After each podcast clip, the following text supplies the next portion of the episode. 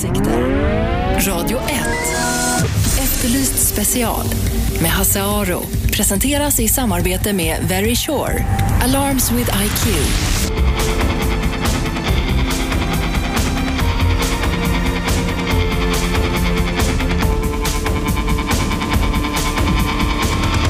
Välkomna, klockan är 12 eller några minuter över. Det är dags för Efterlyst special.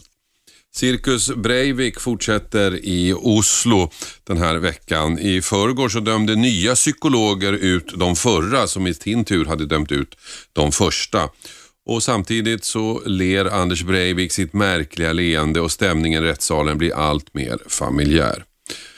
Jag har sagt det förut och jag säger det igen. Processen är på väg att spåra ur tycker jag. Anders Bering Breivik ville ha en arena att föra ut sitt budskap ifrån och nu har han fått det. Hans plan hade två steg. Det första var attentatet för att slå till mot de som han anser förstör Norge men också för att få uppmärksamhet, för att få en arena för sitt budskap. Och rättssalen, I rättssalen slutför han nu sitt terrorattentat och vi andra som följer spelreglerna ger honom det utrymmet. Och Det har inte undgått någon hur hans världsbild ser ut och även av, av de flesta av oss känner avsky så når hans budskap ut till de som vill höra det. De som ännu inte lyckats formulera sin förvirring får nu hjälp att skapa en världsbild. Anders Bering Breiviks världsbild. I nio veckor ska det här spektaklet hålla på. Hur mycket kommer antalet människor som hatar hans död att öka de här nio veckorna? Ja, det tror jag inte. Eh, vi vet redan vad han har gjort, vi vet varför och det behövs liksom inte mycket mer. Hur många kommer då antalet anhängare att öka? Ja, om det ökar med en enda är det för mycket, men jag tror att det kan bli betydligt fler än så. Sanningen är att Anders Bering Breivik kommer att ha fler anhängare när processen är slut än vad han hade när den började. Så vad vann vi då? Martina Jarminder, du är ledarskribent på Skånska Dagbladet.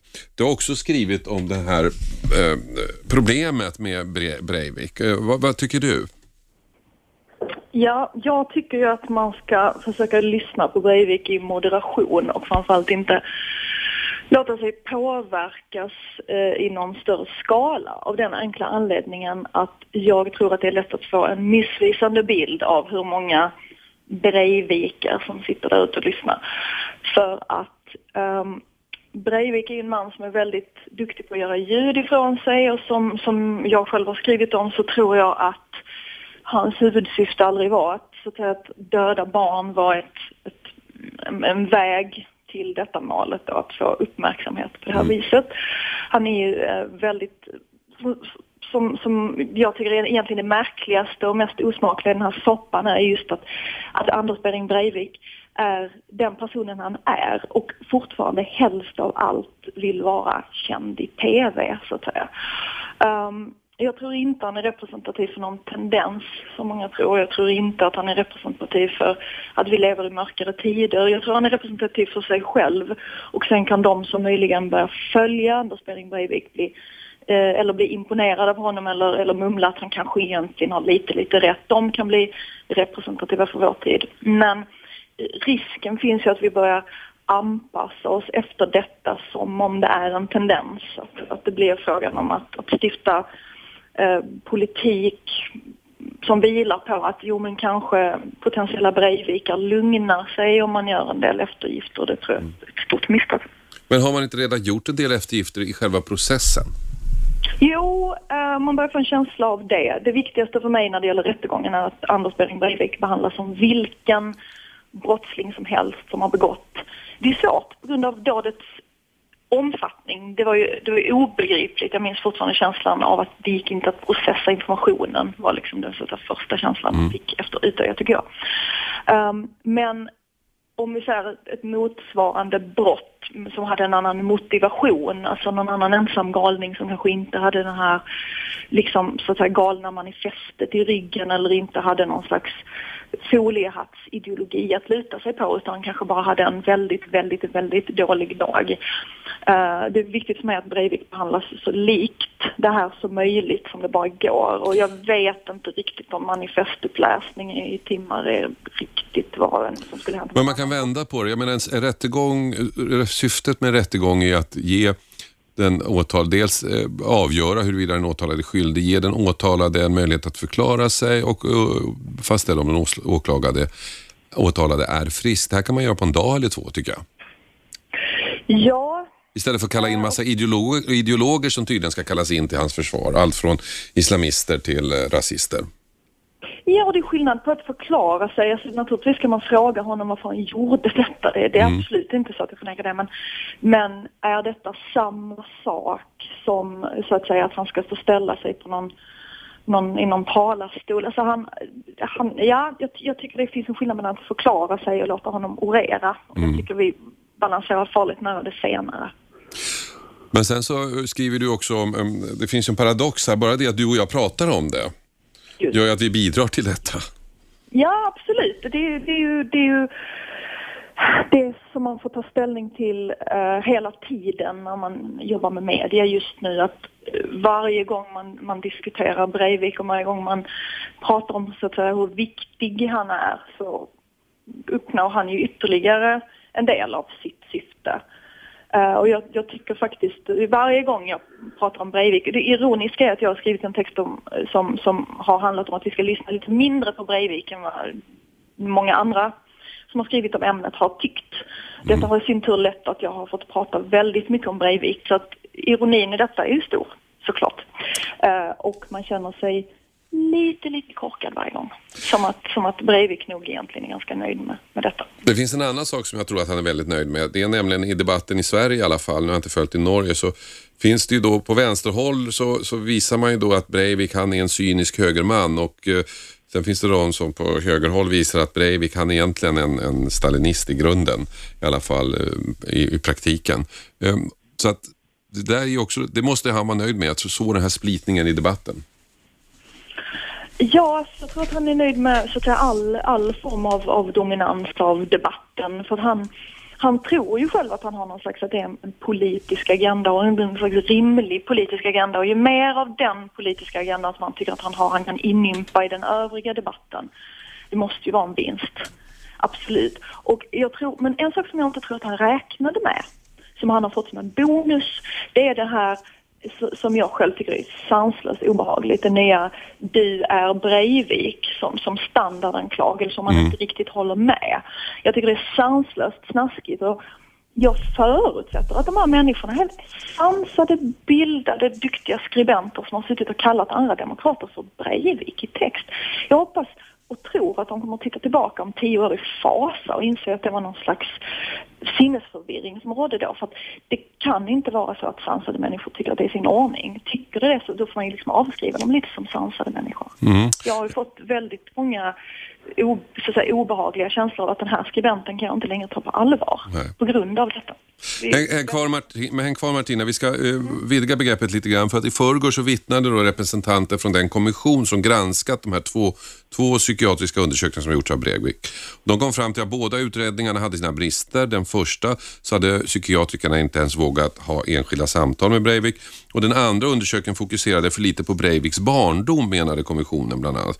Och det här är något som barnläkaren Roland Senneström skrev om redan före eh, de här psykologerna pratade om det. Och Roland, varför ska man titta på Breiviks barndom?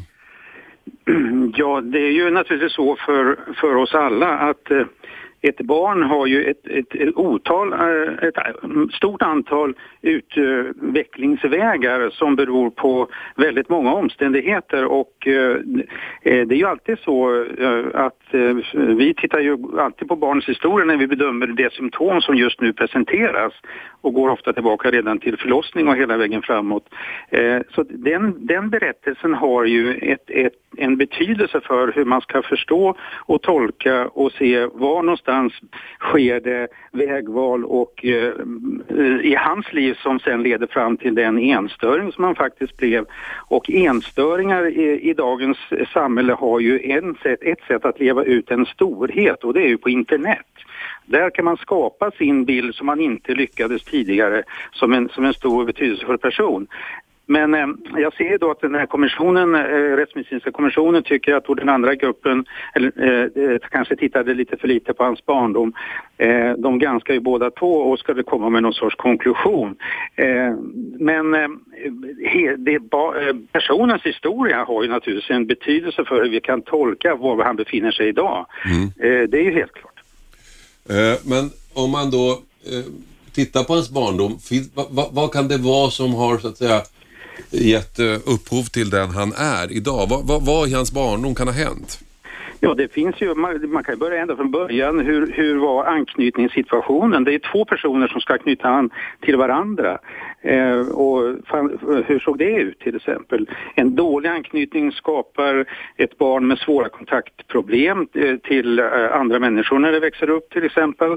Eh, och den sociala miljön, jag vet att han, pappan försvann, jag vet inte exakt när, ur bilden. Och för en, ett, en, ett, en familj med då ett, en kille i familjen och pappan finns inte, det har ju, vet vi ju många studier som pekar på att det blir problematiskt för den här killen att etablera ett, ett, ett jag och ha, han har saknat någon att bolla sina idéer med. Det är ju det som är problemet för honom. Han har ju inte kunnat bolla alla sina tokerier under uppväxten utan skapat sin egen världsbild och fått den förstärkt genom att sitta vid datorn. Han har sagt någon gång under rättegången att han har satt 17 timmar per dygn vid datorn under en lång period. Att, men, men om jag får, det här med att liksom inte ha en, en fadersfigur och sådana här saker, det, ja. det är väldigt många som har växt upp under sådana förhållanden. Men han har ju utvecklats på ett extremt sätt. Finns det något annat där som liksom skiljer honom från andra som har haft lite tråkig barndom? Ja, det är klart att sen finns ju det här som, som, kommer, som utredarna tittar på. Finns det någonting som har en eh, som kan fångas in i någon av de diagnosbegrepp vi, vi, vi, vi lever med? Eh, de, de, en, en grupp säger paranoid schizofreni. Jag skulle kunna tänka mig någon sorts, någonting inom är En person som har svårt med umgänget eh, och tolka andra människors tankar och känslor och lever i en väldigt egen värld. Det finns ju. Eh, då är vi inne på sjukdomsbegreppet naturligtvis. Mm. Men hur han har eh, kommit in i gängerna i, skolan, har han, är han en som har blivit vald eller har han blivit icke-vald och har det bidragit till att ha utvecklat den här enstöringsvägen? Så det finns ju naturligtvis mycket som sker i, i grupperna i skolan. Vi vet att mobbning finns och utstötning finns och allt sånt där. Mm. Martina, är det här någonting tror du som, som, kan, som Breivik-affären kan leda till att man diskuterar det här mer? Ja, men jag tror Breivik-affären kommer att leda till att man diskuterar det mest mer på något vis. Mm. Jag tror att detta kommer att lämna ett väldigt stort avtryck. Och, alltså, man vill ju så gärna att Breivik ska vara en tokfrans för då skulle man kunna sortera bort det som ensam tokfrans med vapen. Så den intressanta frågan är väl, är han en ensam tokfrans? Hur mycket tokfrans är han? Hur många andra läskiga killar sitter just nu och skriver till varandra på internetfora att han nog egentligen hade en himla bra idé. Mm. Det är ingenting vi kommer att få svar på tror jag, jag missar inte, inte den närmaste tiden. Men, men man vill ju gärna Breivik säger själv under rättegången att media vill avskriva honom som ett monster och verkar för en gång skulle lite uppriktigt förvånad över detta. Mm. Det är ju mm. spännande för att han, han verkar inte förstå vad, det, vad, vad han skulle få det ifrån och vi får ju det ifrån att han beter sig som ett monster. Ja, helt enkelt. Att, att det, det, för oss som inte så att saknar empati med andras barn så finns det ingenting som känns kanske så monstruöst som att gå fram och skjuta ett barn i ansiktet. Mm. Så vi, man vill ju gärna att han ska vara, jag vill gärna att han ska vara galen. Jag tycker det ska vara praktiskt. Men um, Jo, jag kan hålla med om det. Att, att, att det är, jag kan hålla med om att man vill, det är alltid enklare att kunna sätta en stämpel och få honom placerad och en bra bit ifrån sig själv. Mm. Trots allt så, så tycker jag man ska ha den här processen att, att försöka säga sig det här är en människa trots allt, hur har det kunnat gå till och, och få någon sorts story omkring det. Eh, men eh, jag tror att väldigt många vill få honom inrutad i någonting som vi sen kan lämna och klart att vi måste lämna Breivik och, och inte rota i honom för mycket. Han får ju väldigt mycket uppmärksamhet nu i den här fasen. Mm. Tack så mycket för det Roland Sennerstam. Tack också Martina Jarminder som båda diskuterade fenomenet Breivik utifrån min utgångspunkt att han får för mycket utrymme. Vad tycker du som lyssnar? Får eh, han, eh, Anders Bering Breivik för mycket utrymme? Nio veckor, ska han verkligen ha det? Ska han få den här plattformen? Hjälper vi honom i själva verket att slutföra sitt terrordåd? Säg vad du tycker. 0200 11 12 13. 0200 11 12 13. Eh, jag tar samtal under reklamen som kommer nu. Radio 1. Efterlyst special med Hasse Aro. Presenteras i samarbete med Very Sure. Alarms with IQ.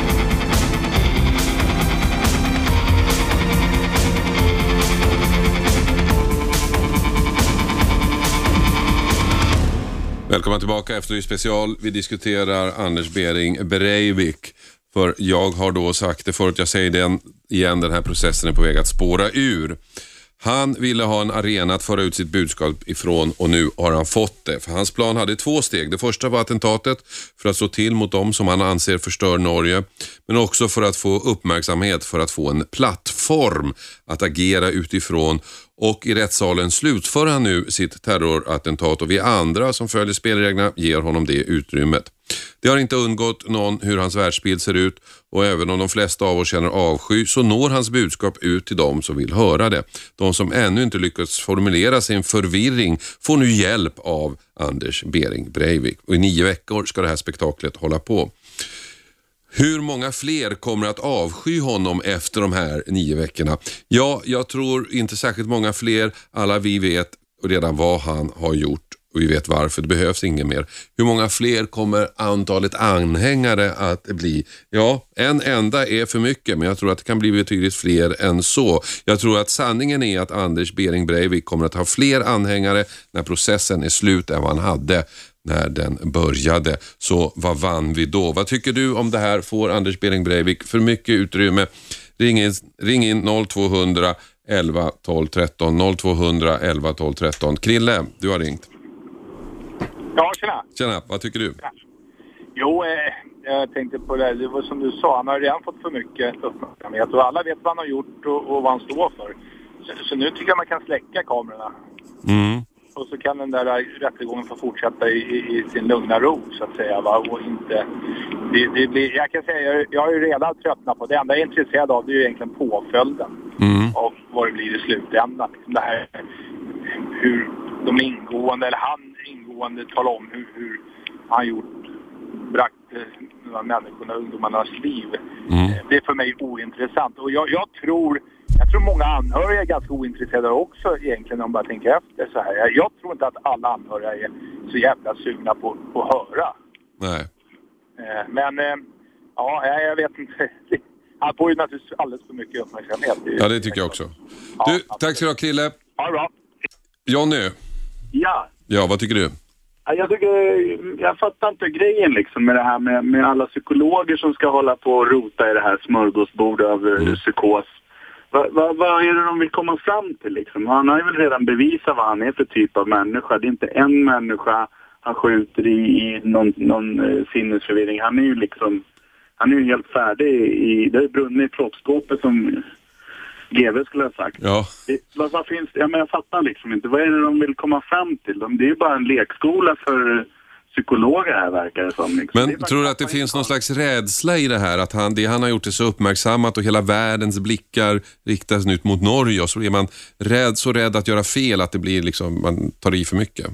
Ja, jag menar, det, är- det är inte som ett mord där man inte riktigt vet vem mördaren är, där man behöver utreda, där man behöver gå till botten med saker och ting. Utan han har ju gått och pangat på den där en bra jävla länge och snutarna kom. Och det var ju synd att de inte knäppte han på plats, för det hade ju liksom blivit en, en, en i mängden och så hade det här inte kostat någonting. Men nu kan man ju inte ta någons liv i efterhand så här, men men eh, ja, det, det är uppenbart. Han har ju dödat hur många som helst. Vad fan är problemet? Ska, ska han försöka, vadå liksom? Han Precis. är, han är ju väck. Han ska in. Jag håller med dig. Vi fortsätter, fortsätter ringa in 0200 11 12 13 0200 11 12 13. Eh, har, får Anders Bering Breivik för mycket uppmärksamhet i den här rättegången som nu pågår i Norge. Jag hävdar ju då att det kanske håller på för länge, att hans, hans eh, plan från början hade ju två steg. Det ena var då att eh, göra de här attentaten och med det och, och, och komma åt folk som man tyckte då skadade Norge. Det andra var då att få en plattform att tala utifrån och det har han fått nu. Hallå, vem där? Ja, hej, det här är Micke. Hej Micke. Eh, Jag har en kort synpunkt om debatten Breivik. Ja, just det. Och det är att Breivik har ju nämnt flera gånger varför han utförde det här hemska terrordådet. Ja. Men det är ju ingen som vill prata om det öppet varför han gjorde det. Nej. Och det pågår ju faktiskt saker med svensk integration och migration i Sverige just nu. Ja. Till exempel Gunnar Axén i riksdagen Mm. skriver, på Svenska Dagbladet 23 procent har fått jobb utanför EU. Men du, Micke, du tycker inte att det är lite osmakligt att använda en massmördare som ursäkt för att diskutera integrationspolitiken? Du tycker inte att det, att det liksom eh, känns jävligt läskigt att ta en barnamördare och använda det som en plattform för en argumentation? Jag tycker det är osmakligt att försvara arbetskraftsinvandring med en massmördare. Det tycker jag är osmakligt. Men hur menar du nu? Vi har ju arbetskraftsinvandring sedan 2008. Ja, och vad har det med en barnamord att göra? Ja, men ni, ni, ni- ni försvarar ju arbetskraftsinvandring med massmördare. Nej, det gör vi inte. Det gör vi inte. Men, Jo, vi, precis. Vi får inte ha en öppen debatt. Nu men menar du då genom att mörda barn så skapar man en öppen debatt? 3000 menar du att, att, att mörda barn, då ger man, har man en plattform för öppen debatt? Är det den argumentationstekniken som du tycker är bra? Ja, men vi får ju inte ha en debatt för att ni försvarar ju Breivik med... Men vad har det med massmord att göra? Jag förstår inte Ni är kopplingen. ni som försvarar det. Jag får inte ens prata till punkt. Där, nej, men därför att du använder ett massmord för att diskutera, massmord diskutera integrationspolitik. Han har ju, även för sådana som dig har han ju förstört möjligheten att som diskutera. mig? Ja, med de åsikter du har. Han har ju förstört Åsikter? dina möjligheter att... Åsikter, kolla nu, nu är vi där igen. Åsikter. Ja, det är väl en åsikt? Tobias Billström vill tvinga kommuner att ta emot 3 000 ensamkommande barn. Mm. Då kommer kommunerna förlora sitt självstyre. Kommunerna vill tvinga ta emot 30 000 asylsökande. Mm. Kommunerna vill tvinga ta emot 30 000 somaliska barn. Mm. Och du tycker inte det är bra? Tvinga, tvinga, vi får inte kommentera. Du tycker inte det är bra och det är väl en åsikt och så tycker du att det ska diskuteras istället för massmord. Nej, jag kan inte säga att jag håller med dig riktigt. Och där tar vi bort honom. Men det är ju precis det här jag menar. Det är ju den här typen av åsikter som Anders Bering Breivik nu föder när vi ger honom en plattform att utgå ifrån. När vi ger honom nio veckor i en rättssal där han ska då få försvaras utifrån ideologiska termer. Det kommer att komma islamister, det kommer att komma rasister, det kommer att komma alla möjliga människor som kommer att föra en ideologisk debatt i tingssalen i Oslo framför människor som har förlorat sina barn. Äh, jag tycker det är otroligt jävla osmakligt. Hasse heter jag. Det här är Efterlyst special i Radio 1. Radio 1. Efterlyst special med Hasse Aro. Presenteras i samarbete med Very Sure. Alarms with IQ.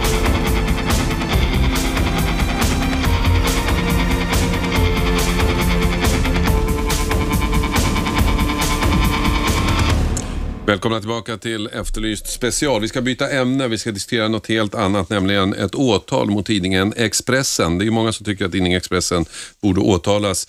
Eh, ibland har jag också varit lite sur på tidningen, men här är en ganska allvarlig historia. Tidningen skrev om hur lätt det är att få tag i vapen i Malmö som en uppföljning till de skjutningar och de våldsdåd som präglat stan den senaste tiden. Och för att illustrera det här så gav sig reporten ut på gator och torg för att eh, se om man kunde få tag i ett vapen. Och Thomas Mattsson, chefredaktör på Expressen, berätta hur det gick. Det var ganska enkelt faktiskt. Uppdraget var att kontrollera de påståenden som poliser och politiker hade fört fram, nämligen att det flödade av vapen. Då sa jag så här att vi testar det, vi går ut och frågar och eh, om de här yrkandena stämmer, det här var ju mitt i en debatt om hårdare vapenlagar, eh, då kommer vi att kunna anskaffa ett vapen och då lämnar vi in det till polisen. Om det inte stämmer, om det visar sig att det här är liksom krav och påståenden som förs fram utan grund egentligen under de stämningar som rådde 2010 när människor sköts nästan varje dag, ja då kan vi påvisa att det kanske inte krävs en hårdare vapenlagstiftning och med de konsekvenser som det då får, ett antal integritetskränkande spaningsinsatser och telefonavlyssning och fler husrannsakningar och sånt, som ju blir en omedelbar följd av att man skärper straffskalor. Mm. Och, hur, och hur gick det då? Det tog fem timmar. Reporten eh, gjorde ett reportage, publicerades över två dagar. Vi pratade med justitieministern och med politiker och tullare och poliser och Eh, till dag två så frågade han runt och eh, efter fem timmar så hade han en insmugglad tjeckisk armépistol i handen som vi lämnade över till polisen. Och han hade inga kontakter i förväg i Malmö? Eller Nej, sånt där, han började från noll? Ja, det, precis. Och han av säkerhetsskäl uppgav sig också hela tiden i kontakt med att vara journalist. Så att det stod till och med klart för de som hade tillgång till vapen att den här pistolen skulle komma till polisen. Vilket ju, tror jag kanske till och med försvårade eller försenade den här mm. processen mm. lite grann. För det var några individer som inte var så intresserade av att deras handeldvapen skulle kunna undersökas av SKL. Mm. Så att det hade kanske kunnat gått ännu fortare faktiskt. Hur länge hade ni vapnet? Eh, vi tog emot vapnet på en, en plats som vi inte vi har avslöjat och sen så färdades vi till ett hotell där vi låste in det i ett säkerhetsskåp och sen så kom polisen och hämtade det där och det dröjde längre tid eh, i väntan på polisen efter vår kontakt med polisen när vi fick vänta på dem. Men från att vi fick vapnet eh, en till två timmar ungefär. Mm. sånt. Mm. Det är inte riktigt, eh, jag, jag, kan inte exakta siffran. Men... Vad sa polisen då? Ja, de var ju intresserade av hur det här skulle gå naturligtvis. Vi hade liksom antytt lite grann innan vad vi höll på med. Poliserna som hämtade vapnet var ju då spanare som jobbade bland annat i de här områdena som härjas av problem. De tyckte att fem timmar var lång tid. De menade mm. att det går nog ännu fortare om man har lite kontakter och så mm. och inte är så nogräknad som vi kanske var. Så att, eh, det var ju tyvärr ett, ett ganska så mm, avslöjande exempel på att det faktiskt finns väldigt mycket illegala vapen. Och eh, där skulle kunna historien kunna vara slut. Och vi ska ju också säga att det här är inte första gången i svensk presshistoria som, som det köps ett vapen på det här sättet för att illustrera hur lätt det är. Det har hänt flera gånger. Ja, visst, ett känt exempel är från 1967 tror jag när Arne Lemberg och Jan Guillou gjorde det. De köpte en k-pist och lämnade in den på Klara polisstation mm. och 1981 eh, faktiskt, eh, Kvällsposten Malmö köpte k-pist och vid olika tillfällen så har eh, både Aftonbladet och Expressen lämnat över vapen som man ibland har trott har varit Palmevapnet och då har man ju i regel fått ett tack från polisen. Och all, så vitt känt har ju aldrig tidigare någon journalist åtalats för den här typen av journalistik. Nej, då har man förstått att det här var ett led i något slags större perspektiv och det fanns aldrig ett uppsåt. Det fanns inget uppsåt och eh, att, att inneha vapnet och vi menar väl, och det här kommer nu bli en rättsbedömning som Malmö tingsrätt ska göra, vi menar ju att eh, vi i lagens mening kanske inte ens innehade vapnet, för det är ju inte köpet faktiskt mm. som vi diskuterar rent juridiskt, utan det är ju faktiskt om man har innehaft det här vapnet eller inte. Mm. Mm. Man kanske ska säga då att jag är åtalad som chefredaktör, jag är åtalad för anstiftan till vapenbrott mm. och eh, en nyhetschef är åtalad för samma brott och reportern i fråga är misstänkt för vapenbrott. Mm. Åklagaren yrkar ju på villkorlig dom och dagsböter och domen kommer den 18 maj. Normalt sett när man åtalar tidningar så handlar det ju om tryckfrihetsbrott och det är ju en ganska komplicerad juridisk process och inte så lätt att åtala en tidning. Men här väljer man alltså att gå på, på, utifrån brottsbalken. Ja, och här håller man ju då medarbetarna ansvariga. När man väcker talan enligt eh, tryckfrihetsförordningen, då är det ju den ansvarig utgivaren som, som står till svars för det som har publicerats. Så nu är det brottsbalksbrott och då är det inte jury utan då är det domare och nämndemän och det var faktiskt lagmannen själv, alltså chefen för Malmö tingsrätt som tog, tog hand om det här målet. Det antyder väl kanske att de tycker att det är, är lite intressant. Mm. Säger alltså Thomas Mattsson som är chefredaktör på Expressen med anledning av att han och två andra medarbetare på tidningen är åtalade för olaga vapeninnehav efter att tidningen, för att visa hur lätt det är, köpte ett vapen på gatorna i Malmö. Sven-Erik Alhem, för detta åklagare. Du tror inte att åklagaren kommer att vinna det här? Ja, låt mig först säga att jag tycker det är bra att det sker en domstolsprövning i saken. Det måste jag säga därför att även om vi har andra fall som inte har gått till åtal så är de dels olika i flera fall och dels är det ju så att vapenfrågan har blivit mycket mer accentuerad, mycket mer allvarlig så att man kan nog säga att det är bra att det sker en domstolsprövning.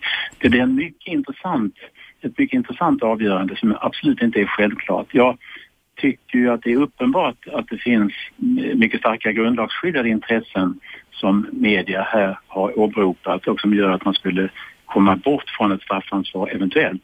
Men gränsdragningsproblemet finns där. Ingenting är ju självklart när det gäller att överträda en norm, en lag.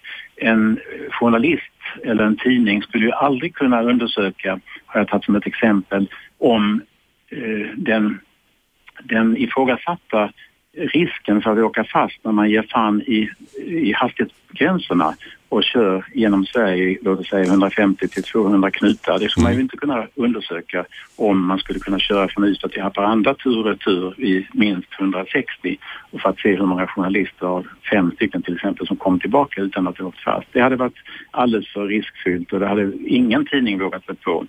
Men här är det naturligtvis att man har vidtagit en mängd åtgärder från säkerhetsskäl. Man har inte köpt ammunition, man har vinnlagt sig om att relativt snabbt överlämna vapnet, vapnet till polisen. Men man har dock lämnat över pengar till de kriminella, mm. vilket ju är lite anmärkningsvärt. Man, Fast det är, det är, man är ju åtalad för innehav, inte för själva köpet. Illegala värden. Men man är åtalad för innehav, inte själva köpet. Nej, alltså detta blir ju, det var ju som ett seminarium i juridik eh, när man hörde försvarets eh, slutpläderingar.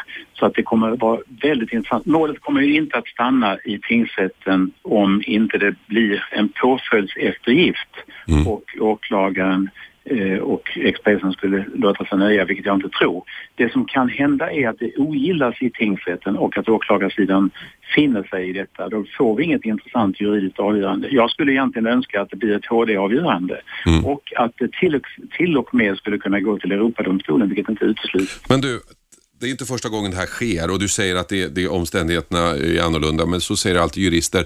Egentligen har ju exakt samma sak skett flera gånger. Vad säger det om vår tid att det nu blir ett åtal? Ja, kan, man kan säga att det, å ena sidan så har vi ju sett mycket allvarligare på vapeninnehav under, genom åren. Så att det skulle kunna vara ett motiv för att man vill ha en domstolsprövning. Jag, jag känner det själv så till och med faktiskt om jag ska vara ärlig så skulle jag känna det bättre om jag vore ansvarig för Expressen, vilket jag alltså inte är. Om jag hade varit det så skulle jag också tycka att det var ett visst värde i att man fick ett avgörande i domstol. Därför att då har man ju till och med kanske ett prejudikat om det går ända upp till Högsta domstolen som mm. kommer att vara vägledande för framtiden. Men det vet vi ju alla att när någonting eh, blir avgjort så innebär det en begränsning ett, ett, ett, handlande som inte, ett juridiskt handlande som inte är avgjort och inte finns prejudikat, då har vi friare ramar. Så att hur det än blir så blir det en begränsning i tidningars rätt att, äh, sätt att arbeta. Ja, det behöver det inte bli därför att det kan ju sluta med att man tycker att den grundlagsskyddade eh, ansvarsfrågan för media att bevaka vad som förekommer i samhället är så eh, av utomordentlig betydelse att man får ändå tillåta ett skeende som här har passerat. Det är inte alls omöjligt att det kommer att sluta så. Jag tror till exempel inte att det kommer att sluta med villkorlig dom. Det, det, för mig är det långt utanför vad som är rimligt. Men däremot så kan man tänka sig en påföljdseftergift. Då har man eh, lagföring plus påföljdseftergift. Men det kommer, tror jag inte, det får Thomas Mattsson svara för, men jag tror inte att det heller kommer att eh, vara någonting som Expressen kommer att nöja sig med. Thomas eh, Mattsson, chefredaktör på Expressen. Tidigare gånger då journalister har köpt vapen på det här sättet så har det inte eh, blivit något åtal. Och nu blir det det. Vad säger det? Vad, vad drar du för slutsatser av det? Ja, det är oroväckande. Dels är det här målet lite speciellt för att i princip är ju omständigheterna otvistiga. Vi är alla mm. rätt överens om vad som har hänt. Och det var ganska så god stämning i rättssalen. Det fanns ju ingen målsägare där, inget offer. Men det är ändå oroväckande tycker jag. Och om man ska se någonting positivt med den här processen, mer än det som Sven Karlhem pekar på, möjligheten att få ett prejudikat i ändra riktning, så är det kanske att det är just en stor tidning eh, som hålls ansvarig här. Att om det här hade varit en liten tidning som inte hade, eller en frilansare eller en bloggare som inte hade haft möjligheten att, så att säga, mobilisera ett juridiskt försvar i den omfattning som Expressen ändå har resurser till, då hade det kanske fått en annan utgång. Det vet vi inte hur det här kommer sluta, men det jag är orolig för, det är ju att, så att säga, redaktioner med mindre resurser än, än, stora tidningar kommer att liksom bli lite för försiktiga här. Jag säger inte att man ska så att säga, bryta mot lagen, det är inte det det handlar om, men ibland kan det ju vara så att det man tänker göra är fullt lagligt, men att man av rädsla för en juridisk process ändå avstår från att göra det. Och, och det vore väldigt oroväckande känner jag. När jag gick på Journalisthögskolan fick jag lära mig av en ganska bra föreläsare att varje gång lagstiftaren ska definiera lagutrymmet och vad de egentligen menar så innebär det i praktiken en begränsning. Ja, och vi har ju sett den utvecklingen om, i den här yttrandefrihetskommitténs arbete som ju handlar om yttrande och, och tryckfrihetsförordningen, yttrandefrihetsgrundlagen då. Där har man ju diskuterat hur den ska moderniseras som det heter, men flera förslag, och några som har lyckligtvis avvisats, men flera förslag som tas fram innebär ju så begränsningar mm. enligt, enligt medierna. Så det, du har helt rätt i det. Jag tycker att Ehm, vi har ju åtta ouppklarade mord i Malmö till följd av skottlossningar och det är klart att det känns lite konstigt då att, att vi som har lämnat in en pistol sitter i en rättssal och jag har räknat lite grann på den här rättsprocessen kommer ju kosta skattebetalarna över en miljon förmodligen kronor innan det här är klart och det, man kan ju möjligen tycka att de pengarna hade kunnat användas för att jaga de här mördarna istället. Men Sven-Erik har ju en poäng här. Eh, var går gränsen då för vad journalister får göra? Alltså köra för fort, så gav han som exempel. Får man, får man köpa sex för att bevisa att det bedrivs liksom olaglig, eh, olagliga bordeller? Var går gränsen? Ja, precis när jag klev in här i din studio, så alldeles utanför någon meter från oss, så, så är det en tv-skärm och på den kan man nu se det förhör som hålls i Storbritannien med Rupert Murdoch, som ju äger flera medier i Storbritannien, där man diskuterar arbetsmetoder, journalistiska arbetsmetoder. Och det här är en proportionalitetsbedömning. Jag tror att alla redaktioner skulle nog säga att vi begår inte brott. Det är liksom vår princip. Sen måste man göra en proportionalitetsbedömning. Var det rätt av de som avslöjade IB-affären att använda olagliga arbetsmetoder? Eh, var det rätt av Jan Guillou att köra för fort när han ville bevisa att Keith Cederholm var oskyldigt dömd för mord. Var det rätt av Watergate-avslöjarna att förmodligen brottsprovocera en FBI-tjänsteman och lämna ut hemliga uppgifter och så vidare. Och det finns ju idag svenska journalister som sitter i fängelse i, i både Eritrea och Etiopien för påstådda brott som de lokala myndigheterna tycker att journalisterna har gjort sig skyldiga till.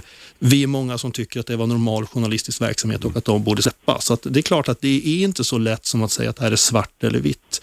Principen är nog tydlig från alla stora medier. Vi begår inte brott i tjänsten. Men varje fall är unikt och man måste göra en proportionalitetsbedömning tycker jag. Mm. Eh, vad säger du Sven-Erik, liksom, eh, det måste ju ändå finnas ett utrymme för journalister att agera utan att allting är reglerat.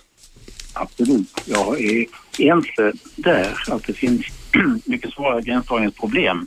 Men du var själv inne på sexköp och där är det ju alldeles uppenbart att det är långt över gränsen.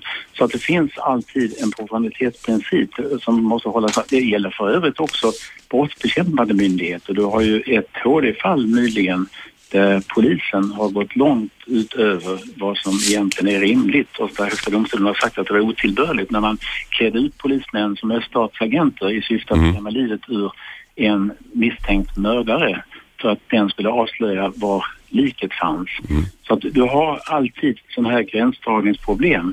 Men det är viktigt tycker jag att man eh, Alltså ingen yrkeskategori får någonsin ha någon slags gräddfil för att säga att vi står ovanför lagen, vi kan göra vad vi vill.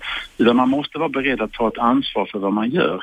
Jag har också sagt att allting som man gör kan inte medföra straffansvar men det kan också finnas etiska aspekter på någonting. Så det, alltså, om jag skulle varit ansvarig för detta vapenköp så skulle jag ha sett till att vapnet hade lämnats till polisen nära nog sekundsnabbt. Mm. Jag hade inte fört det till ett hotellrum. Jag hade inte hållit på med fotograferingar och sådär. Jag hade gjort det sekundsnabbt egentligen. Därför att tidsfaktorn har betydelse i sånt här fall. Allting har man inte rådighet över. Allting kan inträffa, även om jag inte ifrågasätter att Expressen har vidtagit mycket stora eh, försiktighetsåtgärder i fallet så är det ändå en sån här eh, punkt som jag känner mig tveksam till att det tog kanske över en timme innan det kom till polisen. Mm. Okej, okay.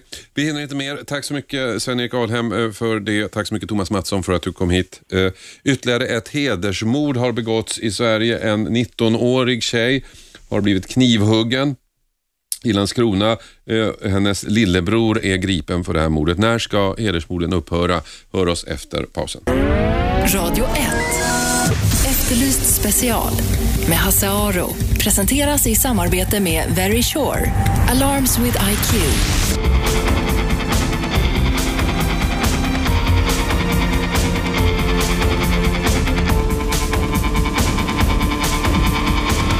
Välkomna tillbaka Efterlyst special. En 19-årig flicka i Landskrona knivhögs i förrgår kväll till döds. Kvinnan bodde, eller den här tjejen ska man nog säga, bodde ensam i en lägenhet och 23.21 på måndagskvällen så larmades polisen till den här lägenheten där de fann henne och hon var redan död. Hon hade under en tid sökt hjälp hos organisationen Tänk om i Malmö som arbetar mot hedersrelaterat våld och det här gör ju då att polisen misstänker att hon blivit utsatt för det och utanför hennes lägenhet så greps hennes 16-årige lillebror misstänkt för det här dådet. Han har tidigare misshandlat sin stora syster och han sitter nu häktad på sannolika skäl misstänkt för mordet. Sara Mohammed, du är ordförande i föreningen eh, Glöm inte Pela och eh, Fadime. Eller glöm aldrig Pela och Fadime. Ni har nu polisanmält eh, Socialstyrelsen, eller ni, inte polisanmält, ni har anmält eh, socialtjänsten till Socialstyrelsen i Landskrona socialtjänst. Varför? Eh, enligt eh, Bobby-lagen, alltså lex Bobbin, eh, mm. man måste ju utreda vid, vid mord där det sker av en släkting, eh, när, närstående släkting, mm. för att skydda dem, de andra. Så vi har skickat den och eh, för att kunna kolla på de brister som, som har funnits i kommunens arbete, socialtjänstens arbete. Mm. Eh, kolla vad de borde göra, vad de har gjort, vart brister och vad det behövs göra i framtiden för att skydda fler som, som 19-åriga flickan. Mm. Så vi har skickat ett eh, brev idag till Socialstyrelsen i Malmö för att kunna eh, tillsätta en utredning för kommunen i mm. det här mm. fallet. Eh, alltså, Pela var ju första fallet som uppmärksammades och det är ju ganska länge sedan nu. 13 år sedan. Man, man hade inbillat sig på något sätt att någonting har hänt, men det verkar inte så. Det har hänt en hel del, men ibland känns det som idag som igår att vi är ett steg framåt och tre steg tillbaka mm. när vi kollar in i enskilda fall. Men det är självklart, det har hänt en hel del sedan eh, Pela El Fadime blev hedersmördad. Eh, klimatdiskussionen är annorlunda. Både tidigare regeringen och den nya regeringen, eller nuvarande regeringen, har ju kommit ut med olika åtgärdspaket. Eh, man har ju tillsatt massa pengar, man har ju tillsatt olika utbildningshöjning eller kunskapshöjning och utbildning eh, till myndighetspersonal. Men vad jag ser som problem är att kommunerna har inte tagit det här eh, på ett seriöst och allvarligt sätt. Mm. De har inte tagit tag i det här problemet på, på seriöst. Det borde verkligen finnas hederssamordnare i varje kommun. Det borde finnas eh, handlingsplan i varje kommun. Det borde finnas alltså, kunskapshöjning. Men det som problemet är ju, om, om, man kokar ner problemet så mm. handlar det ju om de här papperna och de här brorsorna. Och deras, deras sneda syn på, på, på, på heder och sådana saker. Och hur kommer man åt det? Den här killen ja. var bara 16 år och han är redan så präglad. Mm. Alltså, jag vet och det måste ju, de måste ju få straff, de som begår mm. sånt barbariskt brott. Mm. Men det verkar Men... inte avskräckande, för i det här fallet så hade han ju ringt själv. Fadimes pappa, han förnekade ju ingenting, så det verkar inte vara avskräckande själva straffet. Det blir ju avskräckande till andra skicka signaler mm. att det här är inte okej. Okay.